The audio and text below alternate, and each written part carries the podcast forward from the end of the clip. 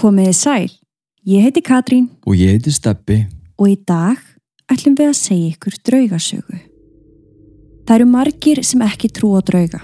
Meiri segja fólk sem hefur persónlega reynslu af yfirnáttúrulegum atvikum en hafa samt ekki fundið neina eðlilega skýringu á. Sumir trú á guð en ekki djöfulinn, aðrir á álfa og huldufólk, fylgjur og fyrirbóða en þó ekki á líf eftir dauðan. Nýja að sálir sumra framleiðina setji stundum eftir fastar. Það er allur gangur á skoðunum fólks sem betur fer og eru þar eins margar og mismunandi og við fólki sem höfum þær. Þó að eftirfarandi saga sé að gerast árið 2008 og alveg til dagsins í dag, þá tegir hún sig alla leiðina aftur til 19. aldar og fær fólk til þess að velta því fyrir sér hvað gerist þegar hjón sem ekki trú á drauga flytja inn í reymdasta húsið í öllum bænum. Veri velkomin á Pírs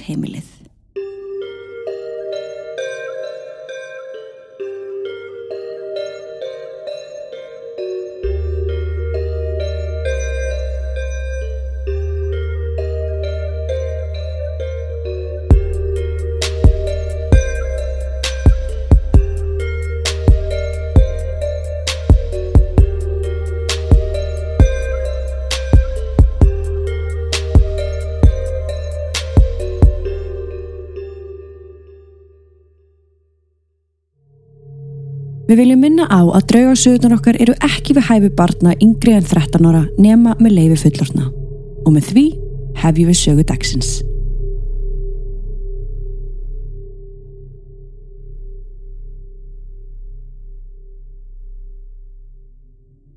Edvin Otero vaknaði upp við undarlegan draum.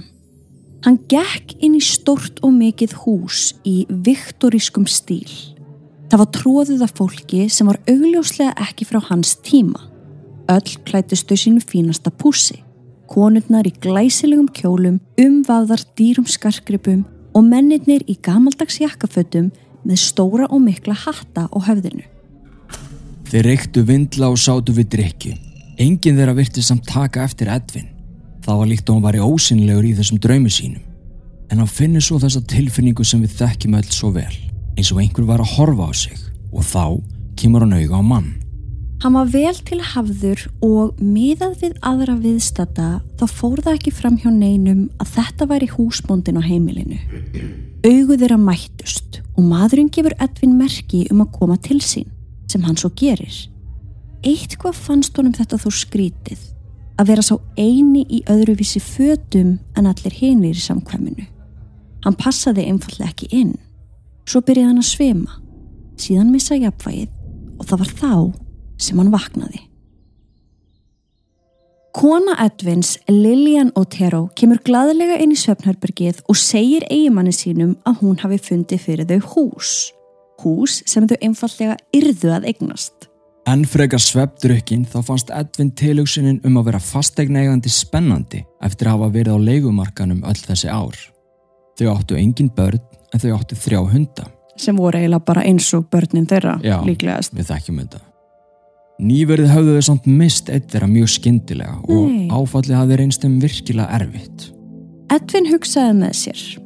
Kanski áttu þau bara skilið að fá smá gleði inn í líf sitt. Mm dreifa huganum og gera eitthvað allt annað. Kanski ættu þau að fara frá Boston og í bæinn Gardner, Massachusetts og skoða þetta hús.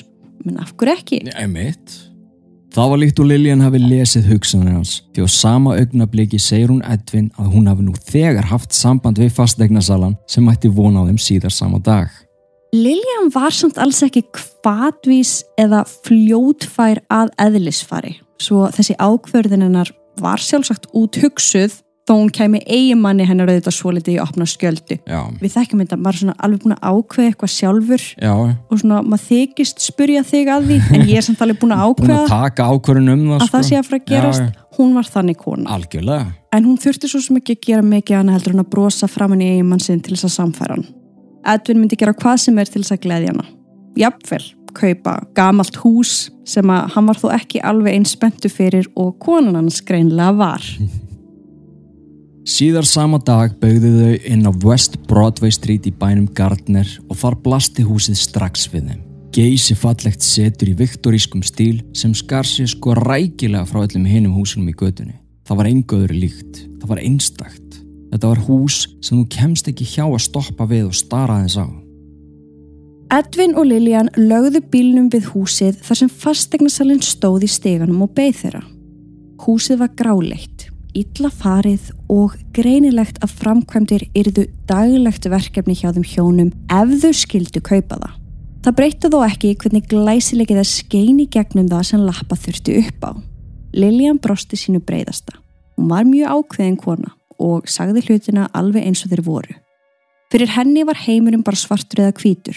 Það var ekkert grátt svæði í hennar huga og þetta er svolítið mikilvægt, við þurfum svolítið mm -hmm. að vita hvernig típa hún, hún er. er. Þetta er svona manneski, ef hún var reið þá fór það ekki fram hjá neinum og ef hún var glöð þá fundu það allir og á þessu augnabliki þarna þegar hún horfir dásemdar augum á þetta forláta hús þá var hún glöð, hún var virkilega glöð. glöð og það voru búið að vera erfiði tímar hjá þeim, voru búið mm. að missa hundin sinn það búið Já. að vera mikið sorgarferðli en Edvin sér þarna þarna er eitthvað sem er að gleðja hana og það glatti hann. Einmitt.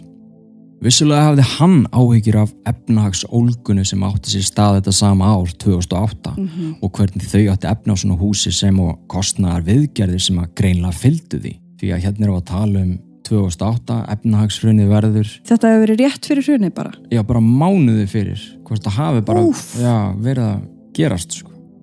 Að eiga hús á þessum toga og stærðagráðu kallaðu endalust viðhald. Mm -hmm. Þau eruðu aldrei búin með eitt eða neitt því næsta verkefni taki þá bara við og svo kolla kolli.